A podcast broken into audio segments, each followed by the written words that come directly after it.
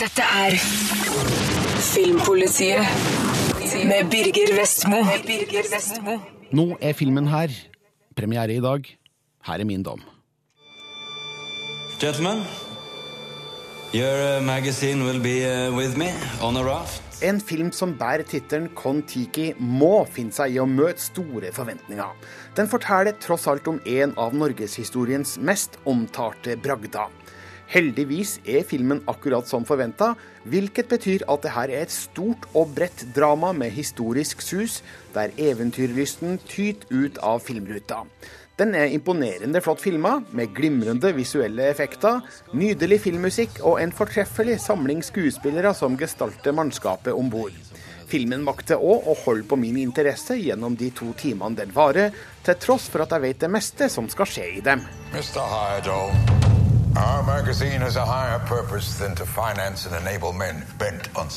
Jeg vet nemlig hvordan den her slutter. Historien om Thor Heyerdahls Kon-Tiki-ekspedisjon er en del av vår felles historie. Den er dokumentert som bok, dokumentarfilm og utallige artikler. Er det mer å fortelle? Egentlig ikke, men Joakim Rønning og Espen Sandberg har regissert en eventyrlig film i episk format som plasserer meg om bord på en balsaflåte på Stillehavet og gir meg et bedre inntrykk av hvordan ferden må ha fortona seg. La gå at visse elementer nødvendigvis er dramatiserte, og at ikke alt stemmer overens med virkeligheten. Can't sail it, steer it. All you can do is sit there Jeg var spent på hvordan Pål Sverre Hagen skulle spille Thor Heyerdahl, som fort kunne blitt for karikert med sin noe spesielle engelske aksent. Men Hagen spiller godt. Hans Heyerdahl fremstilles som en mann med et brennende engasjement og utforskertrang, men som òg møter utfordringene med tunnelsyn. Hvordan fikk han seg til å risikere andre menns liv på denne ekstremt risikable ekspedisjonen? Peter Skavlans manus gir meg en forståelse av hvorfor det var så viktig for Heyerdahl å bevise sin teori om at Polynesia ble befolka fra øst, men også hvordan hele prosjektet tæra på ekteskapet med Liv, spilt av Agnes Kittelsen, som var alene med barna hjem i Norge. Filmen bruker forholdet mellom Thor og Liv som bokenda, men filmen er kanskje litt for kjapp til å få sjøsatt flåten til at vi rekker å investere de helt store følelsene for dem. Vær så snill, Tor, ikke gjør dette. Rønning og Sandberg viste med Max Manus at de kan lage svært underholdende film basert på kjente figurer i norsk historie. Her gjør de det en gang til. Og de gjør det ofte med en filmatisk virtuositet som overgår det vi er vant til å se i hjemlig film. Ikke rart at denne filmen er norgeshistoriens dyreste, men filmskaperne, inkludert produsent Åge Aaberge, kan slappe helt av, for det her er filmen alle kommer til å se i høst.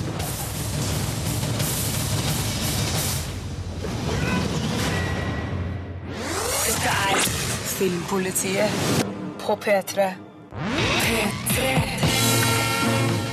Vi skal tilbake til Kon-Tiki, og regissørene Joakim Rønning og Espen Sandberg de har brukt fire år på å realisere den store filmatiseringa av Thor Heyerdahls Kon-Tiki-ekspedisjon. Reporter Gjermund Jappé møtte dem før denne Watzinger-kontroversen brøt ut, men allerede her forteller de om manusforandringene som måtte til for at Kon-Tiki skulle bli en god film. Det er jo en del manusvalg. altså Man gjør jo en del ganske store beslutninger i manusprosessen. Eh, For her begynner man jo eh, fra, fra bånn av. Eh, Vi portretterer et, en, en person som har levd. Og der gjøres det noen valg i form av hva vi skal fokusere på.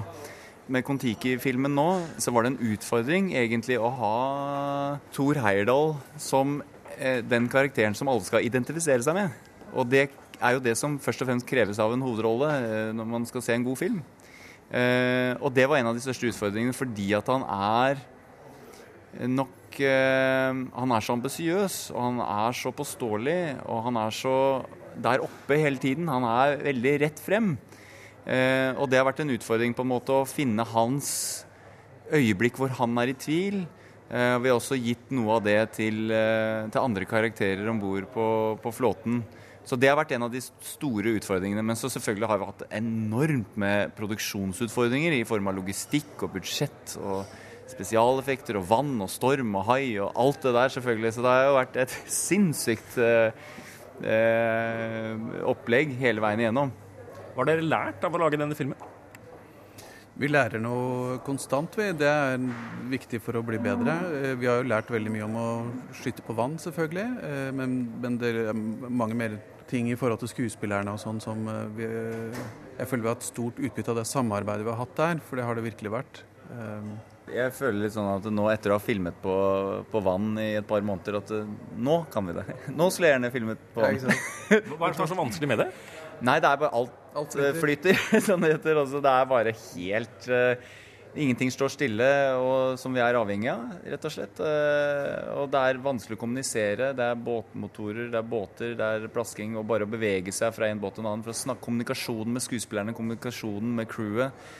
Uh, det, er, farlig, det er dypt, det er bølger.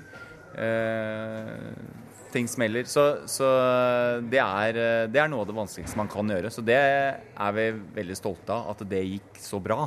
At, at ingen skadet seg, rett og slett. Nå skal jo filmen i Norge, og så skal den ut, videre ut i verden. Hvordan skal, I et knallhardt internasjonalt filmmarked, hvordan skal Kon-Tiki klare å skille seg ut eh, internasjonalt? Den eh, skiller seg ut fordi den eh, er, det er en helt unik historie. Det er ikke så veldig mange andre filmer der ute som ligner på den. Så det tror vi skal uh, gå bra i forhold til særpreg. Uh, så får vi se av om uh, folk fremdeles syns at denne historien er relevant og spennende, men vi tror selvfølgelig det. Kon-Tiki har jo også en fantastisk stamtavle, altså i form av, den, i form av dokumentarfilmen 50, og boken på, fra 50-tallet. Og vi merker det når vi er ute og reiser. og Vi, film, vi har jo filmet i, i, seks forskjellige land. og Overalt hvor vi kommer, så har folk hørt om Thor Heyerdahl og hørt om Kon-Tiki. Og det er påfallende. Den siste uka har det vært sagt, ment og skrevet mye om den nye filmen Kon-Tikis fremstilling av Herman Watzinger, spilt av Anders Båsmo Christiansen i filmen. Han fremstilles nemlig annerledes enn han var i virkeligheten, eh, som en tviler som frykter at eh, flåta skal bryte sammen. Noen har sågar kalt det her et karakterdrap på den virkelige Watzinger, som døde i 1986. Manusforfatter Petter Skavlan forklarer her hvorfor det var nødvendig å endre på Watzinger-figuren i filmen. Det er helt klart at vi har forandret Watzinger. Eh, men det er ikke noen sånn snikforandring. Watzinger så ut som Gregory Peck. Og man kan si mye pent om Anders Basmo, men ser ut som Gregory Peck gjør han ikke. Han er en annen type enn Watzinger fordi vi av dramaturgiske grunner trengte motstand mot Thor. I, den egentlige historien er at det er seks karer som er enige i alt. Setter seg på en flåte og driver over uh, Stillehavet. Møter litt storm og hai på, vei, på veien, men er vel forlikte. Men for å ha noen i filmen som kan stille de spørsmålene publikum gjør. Er han gæren? Hvorfor skal vi gjøre dette? Hvordan kan du få oss altså ut på denne ferden? Så trengte vi en person som kunne representere publikum. Og den personen brukte vi Watzinger til fordi han er den nest største rollen og var nestkommanderende. Og at vi da følte at vi kunne ha en figur som kunne stå opp mot, mot Thor. Ehm, filmens definisjonsmakt er eh, stor til at eh, det nå for mange, og særlig unge folk, eh, kan bli stående som definisjonen på Watzinger. Hva tenker du om det? Watzinger finnes så vel dokumentert i dokumentarfilmen til Thor, som er sett av millioner av mennesker, og som er den dokumentariske versjonen. Vi har laget en dramafilm. Det sa manusforfatter av Kon-Tiki, Petter Skavlan, til reporter Karen Sylte Hammeren. Filmen har altså premiere i dag. Min anmeldelse finner du på p3.no filmpolitiet, både i tekst- og videoversjon. Dette, dette P3. Og her i Filmpolitiet skal det handle om en splitter ny Blu-ray-utgivelse av en filmklassiker.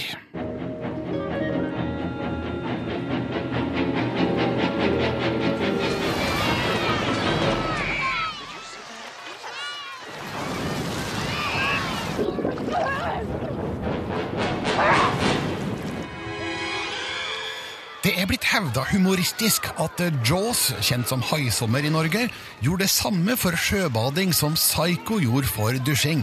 Men det kan hevdes i fullt alvor at det her fremdeles er en av de beste thrillerne som noensinne er laga. Den unge regissøren Steven Spielberg presterte et skikkelig svennestykke, der form og innhold gikk opp i en høyere enhet. Jeg skvett like mye av filmen som første gang jeg så den, underholdes av det strålende skuespillet og imponeres av den friske, energiske og effektive historiefortellinga.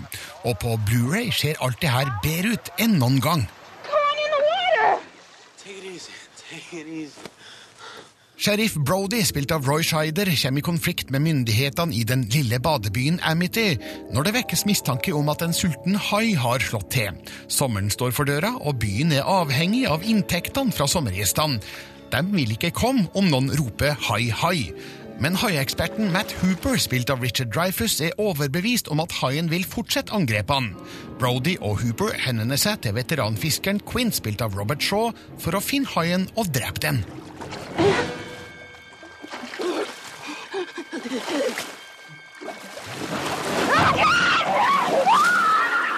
Det merkes allerede fra starten at det her er historiefortelling på et svært høyt nivå. Peter Benchley og Carl Gottliebs manus har små og tilsynelatende dagligdagse biter av dialog som setter både figurene, deres relasjon til Amity og deres funksjon i filmen. Seinere bygges spenninga opp særdeles effektivt, og den urovekkende stemninga er til å ta og føle på. Vi vet allerede fra første scene at faren er høyst reell, men Spielberg holder oss lenge på pinebenken angående når og hvor haien vil slå til igjen. Bildene som plasserer oss under barns sprellende føtter i vannet, akkompagnert av John Williams' fryktinngytende toner, er nesten ikke til å holde ut. $10,000 for me by myself. For that you get the head, the tail,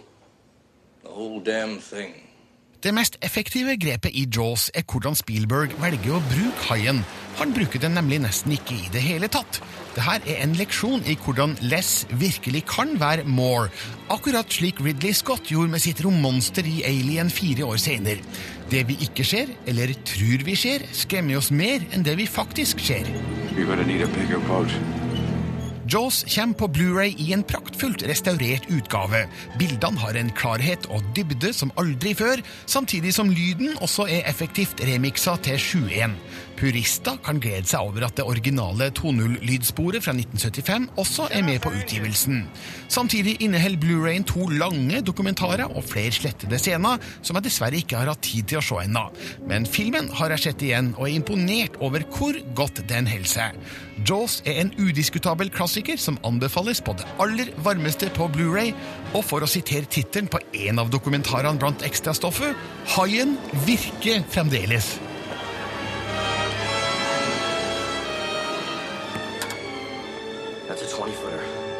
25.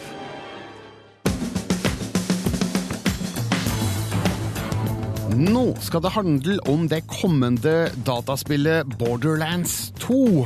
Andreas Opsvik har kommet inn i studio, hei. Hei sann, Birger. Kan du forklare hva er egentlig Borderlands 2? Det er litt sånn eh, et skytespill for deg som er glad i litt sånn merkelig univers, er vel egentlig eh, hoved, hovedtanken. Ja, Spilte du Borderlands 1 noen gang? Ja, jeg er veldig glad i Borderlands 1, og jeg fikk gå og teste Borderlands 2 når jeg var på Gamescom nå i forrige uke. Og der møter vi også en av de som eh, står bak spillet. Hvem er det? Det er Brian Martell som har grunnlagt Gearbox, de som har laga spillet, og i tillegg er kreativ leder på Borderlands 2. Og her forklarer Brian eh, Martell litt om handlinga i eh, Borderlands 2. People of Pandora, this is Handsome Jack, your hero. We all know that ever since I took over your armpit of a planet, Pandora has been at peace. Pandora is this, you know, sort of far-reaching planet out in the middle of the, you know, the edge of the galaxy, basically. And so it sort of feels a bit like a western, you know, in that it, but it, you know, still sci-fi. So the world is really rough and tumble. Um, you know, it's uh, filled with a bunch of bandits. Um, a bunch of the, uh, the the companies that had went out there originally um, had left, you know, uh, to leave it to their its own devices because Pandora sort of woke up out of a, you know, what had been sort of like a hibernation. Um, and so all the creatures started coming out, so it became really dangerous. So then uh, the myth of the vault happened, and so people started to go and look and see if they could find it all over the galaxy. Well, they happened to find it on uh, in Borderlands One. So now in Borderlands Two, we take up from where that was where, where that story kind of went. Uh, Handsome Jack, who's the sort of you know evil, maniacal bad guy in this game, uh, has kind of come here and started to use the planet um, for his own riches. Uh, he's found uh, what he thinks is another vault, and if he opens it, a lot of bad things will happen. So this time, our heroes, new heroes, have come as vault hunters to help stop, you know, help the old vault hunters to stop Jack from opening it. But sorry, kiddos, you really got no chance. Because I've got a few tricks up my sleeve that I, well, I wouldn't want to spoil the surprise. We have four new Vault Hunters. We have uh, Axton, who is a commando, which is an improved soldier class. Uh, so he still has his turret as his action ability. Then we have uh, Maya, who's another Siren. Our Siren is sort of our, our magic user that uses sort of energy within the, the you know, sort of universe to kind of be her magic. Uh, and she can phase lock enemies and kind of pick them up and take them out of the fight. We have uh, Zero, who is an assassin. And Zero is uh, has the ability to sort of distract people and then kind of use his sword and kind of come in and do some melee attacks or, or find critical spots on the, the, the enemies and, and use that to his advantage. Uh, and then lastly, we have Salvador, who is a gunzerker. Uh, in the first game, we had a berserker who was all about his fists. This time, since our game is about guns, we decided to kind of uh, play around with that and make the gunzerker. So now we dual wield when we go into our action mode, and we're able to use any weapon we want, whether it's a rocket launcher and something else. It's really awesome. Det sa Brian Martell, kreativ sjef hos Gearbox, som står bak det kommende dataspillet Borderlands 2. Og han avslører mer på Filmpolitiets nettside, Andreas? Ja, her snakker han om fire klasser, som er de hovedklassene. Men i tillegg så har vi en sak på p3.no slash filmpolitiet, der han i tillegg snakker om den femte klassen, som er, er nedlastbart innhold for de som har forhåndsbestilt. Men du, Brian Martell han snakka her om planeten Pandora, som planeten også het i Avatar. Er det en link her? Altså, det, I Avatar så var det jo en sånn fredfull, harmonisk planet der, i hvert fall før folk kom. Eh, det her er en mer sånn vill og gal og westernaktig planet. Så den eneste forskjellen, nei, den eneste linken som jeg kan komme på, eh, det er nok mer at eh, hvis du åpner den, så eh, skjer det stygge ting, Ja. som i det greske mytologien. Du spiller ikke høye, blå personer i Borderlands 2? Nei, på ingen måte. Takk skal du ha, Andreas. Borderlands 2 har release 21. september. Filmpolitiet på P3. Widescreen på radio. Nå skal du få svaret på hvorvidt jeg elsker eller hater Battleship, som denne uka kom ut på Blu-ray. Her er min anmeldelse fra da den hadde premiere på kino. I'd like to welcome you all to the Rimpak International Naval War Det var flere enn jeg som stussa da det ble kjent at Hasbro planla en film basert på det klassiske brettspillet Battleship. Hva kunne det bli? Og svaret er en overdådig effektorgie som gir maksimalt smell for pengene. Eller bang for the buck, som amerikanerne kaller det. Og Battleship er fryktelig amerikansk, på godt og vondt. Historien er akkurat passe glatt og teit, slik det kler slike filmer. Den har flere hylende åpenbare plotthull, men jeg klarer ikke å bry meg om slike filledetaljer i en slik sammenheng. Jeg ler både av og med filmen. Den er teknisk velgjort, underholder skamløst og er en nydelig match med smørdynka popkorn. Tunga må rett i munnen når utgangspunktet for historien skal beskrives. En marineøvelse utafor Hawaii blir alvor når skipene får kontakt med utenomjordiske romskip som lander i havet med skumle hensikter. Brødrene Alex og Stone, spilt av Taylor Kitsch og Alexander Skarsgård, blir sentrale i kampen som følger, der mannskap på flere skip må bekjempe inntrengerne og finne ut hva de egentlig vil. We have three destroyers still unaccounted for, so it's conceivable we do have somebody inside. What are your orders? Filmen ser ut som den er snytt ut av Michael Bays nese, kombinert med Roland Emmerich sin våteste drøm, men det er Peter Berg som har regissert det her. Han viser at han behersker en fullblodseffektfilm med den rette miksen av corny dialog, todimensjonale figurer og glimt i øyet. Jo da, det er mange elementer ved Battleship som vil få viderekommende filmkjennere til å vri seg i kinosetet, men denne filmen er ikke for dem. Det her er superbredt publikumsfrieri i episk forstand. Brød og sirkus til folket. We're going in. Det finnes faktisk figurer i filmen som er verdt å merke seg mellom alle de visuelle effektene. Kitsch og Skarsgård er gode som actionbrødre. Rihanna er visst en krysning av radaroperatør og skytter, og gjør ikke skam på seg. Liam Neeson er solid i sine korte opptredener som admiral. Brooklyn Decker er åpenbart ansatt som eye candy. Og Hamish Linklater spiller rollen som forsker, akkurat slik Jeff Goldblum gjorde i Independence Day. Det er nok ingen tilfeldighet.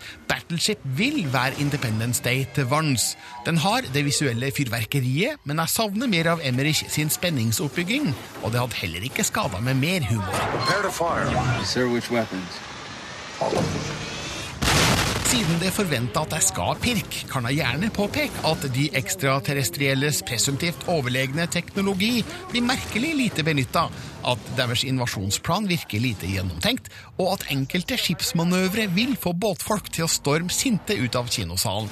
Men jeg gir egentlig blaffen i det. Jeg ble godt og vel underholdt med Battleship, tross all feil og mangler. Det her er ren krigsskipporno, om et slikt uttrykk kan brukes. Det eneste som egentlig mangler, er at Cher dukker opp i trang trikot for å synge If I Could Turn Back Time. Har du sett musikkvideoen, forstår du sammenhengen.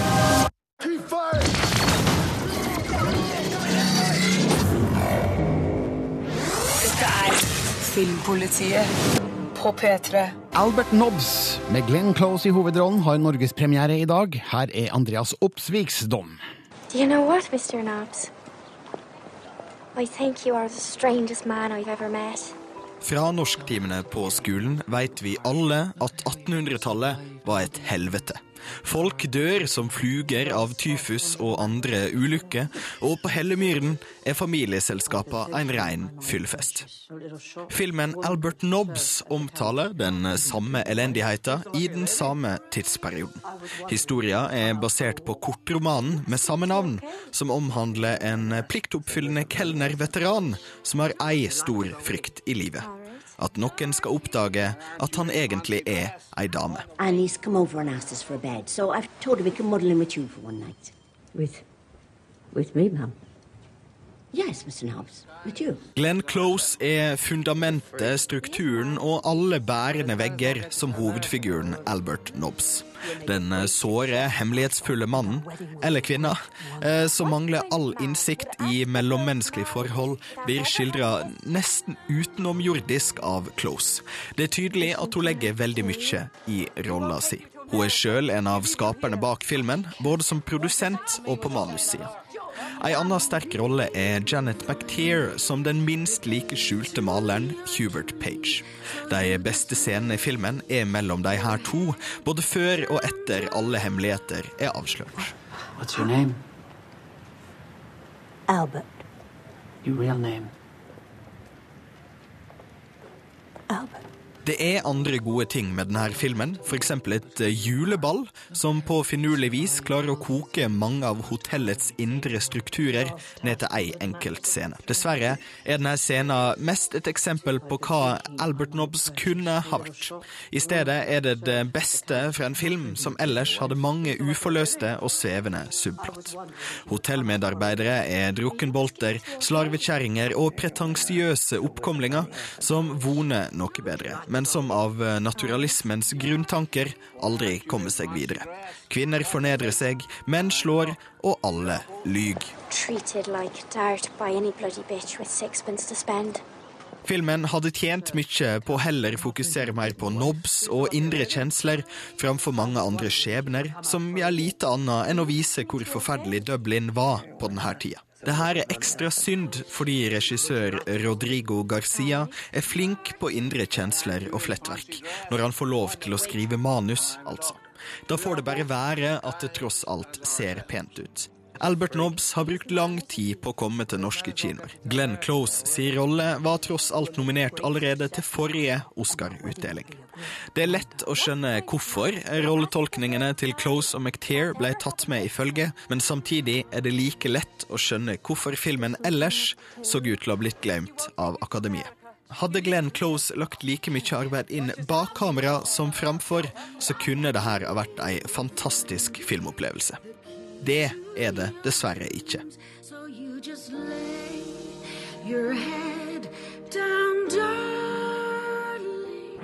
Dette er Filmpolitiet på P3. Skuespilleren og regissøren Crispin Glover er i Norge for å vise film, holde foredrag og diskutere med publikum. Han er kanskje mest kjent for sine roller i filmer som Back to the Future, Charlie's Angels og Alice in Wonderland, men han er også regissør av to sære kunstfilmer, What Is It fra 2005 og It Is Fine, Everything Is Fine i 2007. Han viste den første på Cinemateket i Oslo i går kveld, pluss et slideshow, og gjentar det her på Cinematekene i Bergen, Trondheim og Tromsø de neste dagene. Crispin Glover, welcome to the show. Thank you. Thank you for having me. Really nice to have you here. glad to be here. How was last night? What kind of feedback did you get from the Oslo audience? Oh, I, I this is the second time I've been here, and I uh, I very much like uh, coming into to Oslo and uh, into Norway and in general. I. Uh, uh, I, I, when I'm when I'm traveling around, uh, it, it's funny. I, I don't talk about government that much, but I I uh, I was very impressed by the. I always tell people I'm very impressed by of any government the the Norwegian government, and the reason that I say that is because of my experience with the the Cinematheques, and I know that there's government sponsorship within it, uh, which usually with art you think of as being a very bad thing, but here I know they they hire cinephiles that really love uh, great movies. And they they uh, book uh, and uh, program really interesting films. And uh, of course, the government just leaves them alone and lets them do what they want to do, and that's great. well, on behalf of the Norwegian government, I, I guess I can thank you. now, I know I thank the government. It's it's it's not normal that that kind of thing happens, so it's a it's a very good thing. Now, most people recognize you from those movies I mentioned. Yeah. but you're now in Norway to show the two movies you have directed. Yes, that's correct. What, yeah. What is it in Oslo, Bergen, and Trondheim? And you're going to show It Is Fine, Everything Is Fine in Tromsø. That's correct, yes. Now, a press release I read says uh, the first one includes actors with Down syndrome, snails, yes. sort, uh, salt, porn actresses with animal masks, and a young man's problematic psyche? Well, uh, you know, this uh, I didn't write that. No. Uh, this idea, there's the the idea of porn actresses with animal masks is not accurate. Uh, sometimes people write things uh, to make it sound salacious, or, Yeah. or that that's not correct. So, what's it about? What what, what are the Well, themes you're of, exploring? most of the actors in the film do have Down syndrome, but uh, it's not about Down syndrome at all. What it really is is my psychological reaction to the corporate constraints that have happened in uh, uh, corporately funded and distributed film in the last 30 years, wherein anything that can possibly make an audience member uncomfortable is is necessarily excised, or that film will not be corporately funded or distributed. And I think that's a very damaging thing because it's that moment when an audience member sits back in their chair, looks up at the screen, and thinks to themselves, "Is this right? What I'm watching? Is this wrong? What I'm watching? Should I be here? Should the filmmaker have done this? What is it?" And that's the title of the first film. What is it that's taboo in the culture, and what does it mean when the taboo has been ubiquitously excised? I think it's a very damaging thing to excise this because it's when people are asking, genuinely asking questions, that there is a a real um, education that's going on, and uh, to ubiquitously excise that possibility of questioning, well, it ends up becoming uh, the opposite of education. What is the opposite of education? It's it's propaganda, and I do think that's what's happening in our corporately funded and distributed media now. The second one, It Is Fine, Everything Is Fine, which will be screened in Tromsø, is about a man with a cerebral palsy with explicit dreams about being fully functional. Does it have anything in common with your first film? Well, Stephen C. Stewart um, is in the first film. I had put uh, Steve into What Is It, as What Is It was originally going to be a short film and it expanded into a feature. I'd read his screenplay way back in 1986, and as soon as I read his screenplay, I knew it would be something that I would have to personally fund to, to get made. And uh, we did end up uh, shooting uh, his film in, in the year 2000. What Is It was shot way back in 1996. So I'm, uh, I've been touring with the film for seven years now. Uh, but uh, Steve's film, Steve had born, been born with a severe case of cerebral palsy. And uh, when he was in his early 20s, his mother died and he was placed into a nursing home. It was difficult to understand his speech. And the people that were taking care of him at this nursing home would derisively call him an MR, a mental retard, which is not a nice thing to say to anybody. But Steve was of normal intelligence. And the emotional turmoil that he must have gone through while he was locked in that nursing home, I can't even begin to imagine. But he did get out about 10 years after he'd been put in there.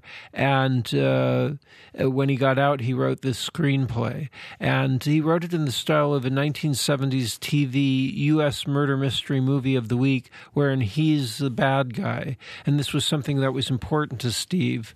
Um, know, he, I think he wanted, well, I know this was something he talked about and wrote about, that he wanted to, uh, he was a person with a disability, but uh, that's a focus on a person with a disability and people can have dark thoughts and he he plays a, a person with dark thoughts in this film Is it safe to say that you are not trying to reach mainstream audience uh, with your movies? Well, uh, you know, uh, again, this is why these uh, cinematheques and, and, and why something like uh, the, uh, the, the the Norwegian system is is so so important. But in the U.S., there is not government sponsorship of, of art like there is here in Norway, and um, there are these independent theaters that kind of struggle along that I go and and tour through through. Uh, so that, you know, there's there's I I very clearly see there's a, a kind of a, a, a double functioning of, of cinema. There's this kind of uh, cineplex cinema that uh, movie studios and the the kind of corporate what I call corporately funded and distributed film uh, cinema makes movies for, and then there's the these more unusual, thoughtful kinds of films, and there are people that are passionate about going to see it. So uh, for me, it's uh, I keep my, my budgets low, and then I'm able to tour with the films I have recouped on the films as of last year. It's it's a, a huge amount of work, uh, but it, it's worth it because the people I can tell get a lot out of it. You know, I. I've been touring for seven years. I perform a, a one-hour live show uh, before the film uh, is is uh, played. It's uh, dramatic narrations of eight different books uh, that I've made over the years. These books are heavily illustrated, and the images are projected behind me. And then I dramatically narrate them for one hour. Then I show the film, and then I have a Q&A after, uh, and then a book signing. So there's multifaceted ways of uh, interaction with the audience, and I, I can tell that the audience really gets something out of it. I get something out of it, and they get something out of it, and it's uh, it's not just like going to uh, a cinema and, and, seeing a film. There is that aspect, but there's uh, other aspects that are uh, uh, the audience has an involvement there are two versions of your slideshow. It's part one and part two. That's correct. Yes, I, when I was here last time, I uh, I I was only performing Crispin Huggin Glover's big slideshow part one. It's a little bit complex, but there's different selected uh, books for each show, and um, I now I'm playing Crispin Huggin Glover's big slideshow part two before exclusively before everything is fine. Although I showed everything is fine in Tromsø and and uh, um, no, not no in uh, Trondheim and Bergen and, and Oslo, uh, but I wasn't performing Crispin Huggin Glover's big slideshow part two before it. It's a little bit confusing, but. Uh, I will be playing Crispin Huggin Glover's Big Slideshow Part 2 uh, in Tromsø. You mentioned the, the slideshow show earlier, but can you just describe for us what is it? Well, I, uh, I've taken old books from the 1800s. This was, I, I, did most of these in the 1980s and early 90s. And um, there's eight of them in each show and uh, these books are heavily illustrated. And the illustrations or the pages of the books are projected behind me as i dramatically narrate each of these books. And um, each show lasts about an hour. Uh, i read on twitter uh, empire magazine in australia. They, they, they wrote that Crispin Glover's dramatic narration of illustrated books was theatrical, eccentric, and utterly engaging. Yeah, I, am I'm, uh, I'm very proud of these uh, these shows. It's uh, it's a very strange. Uh, uh, set of circumstances how they came about because I made these books, uh, like I said, a long time ago in the '80s. Not not for the kind of performances that I am having with them now. I made them for myself and to show to friends. I didn't plan to publish them at that point. Now I have a number of them published, which I at the end of the show I have a book signing as well. But the um, uh, the fact that they ended up being able to be translated into a slideshow, which I perform before audiences, and then uh, that I tour around with it and I distribute my, my films in this manner, it's something I would have certainly never predicted when I was making the books way back in 1980s. Now, I, I haven't seen your movies, and in fact, I'm told you won't allow screenings without yourself present. What, well, it's it's uh, there's a certain financial uh, I've essentially recouped on on making the films, but the way that I've recouped really is fifty percent by the live performances that I. Uh, perform, uh, 25% by the box office from the films, and 25% by the uh, sales of the books. Uh, so if I, you know, even if, if I wasn't distributing it in this way, and it was just by by the the uh, the films themselves, at that point I would and I don't know how I'd really distribute it then. At that point, um, I would have only recouped a quarter of the costs of the films. So there's actually a, there's a financial reason that's positive for me to do it this way and to keep the film ex, uh, exclusive uh, to the the shows. Of course, makes it so that then people come to see the show. Uh, but it, it, works very well psychologically as well. Um, to put it in this context, um, it's a little bit hard to describe, but it, it, there's a kind of a mindset that it's the, the films are unusual, and it is not what uh, we're normally seeing in our corporately funded and distributed film culture.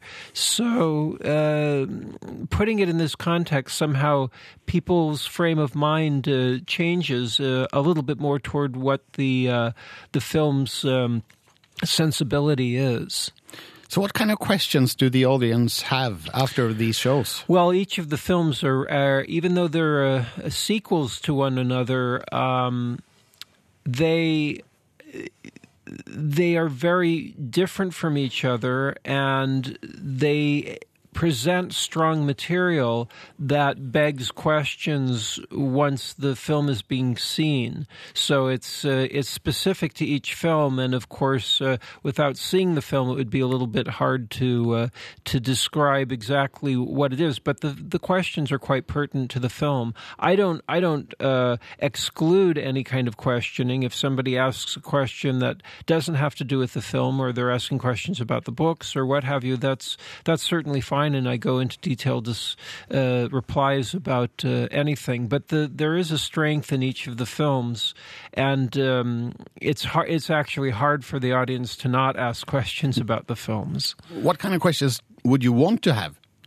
I'm I'm perfectly happy with any question, but of course the, the films are are what just happened, and it just naturally uh, uh, goes toward those films.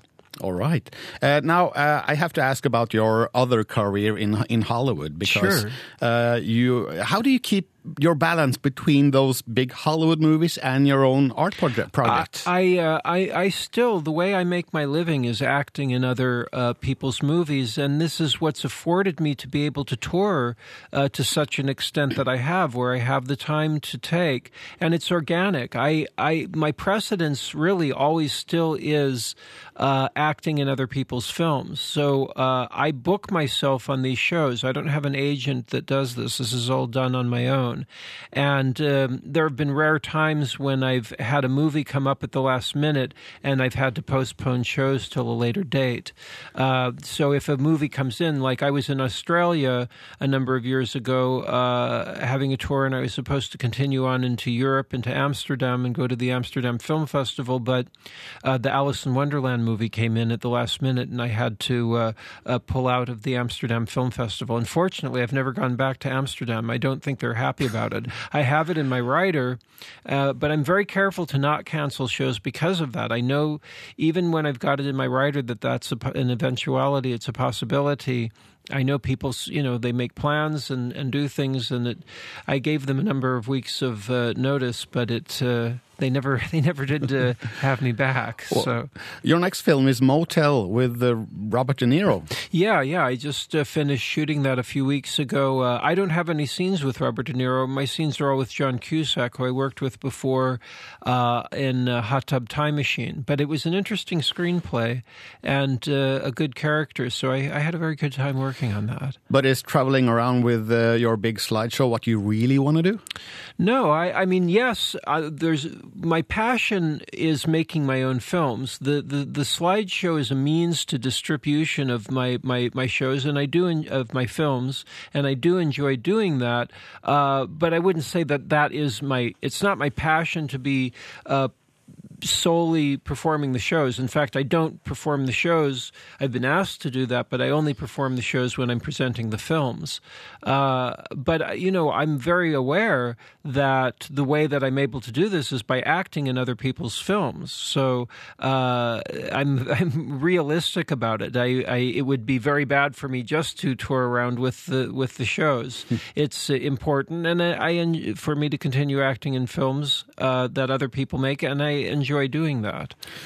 Crispin Glover, it's been great to have you here. Well, thank you. I really appreciate it. And p- if people want to find out more about the films and see uh, trailers for it, uh, CrispinGlover.com has clips, and um, and there's more information on the Crispin Glover Twitter and the official Crispin Hellion Glover Facebook page. Oh, you're a good promoter. I, I try my best. And you are going to be in Bergen tomorrow with your slideshow? Yes, I'm looking forward to that as well. And Trondheim on Monday? Correct. And Tromsø on Wednesday? That's right. I hope you enjoy Norway. I am. Bye. well, thank you. Bye. Dette er Filmpolitiet på P3. Filmpolitiet er altså over. Jeg heter Birger Vestmo. Husk, finn alt vi har å by på på p3.no filmpolitiet. Du hører nå en podkast fra NRK P3. Hent flere podkaster fra NRK på nettsiden nrk.no podkast. And I go arco.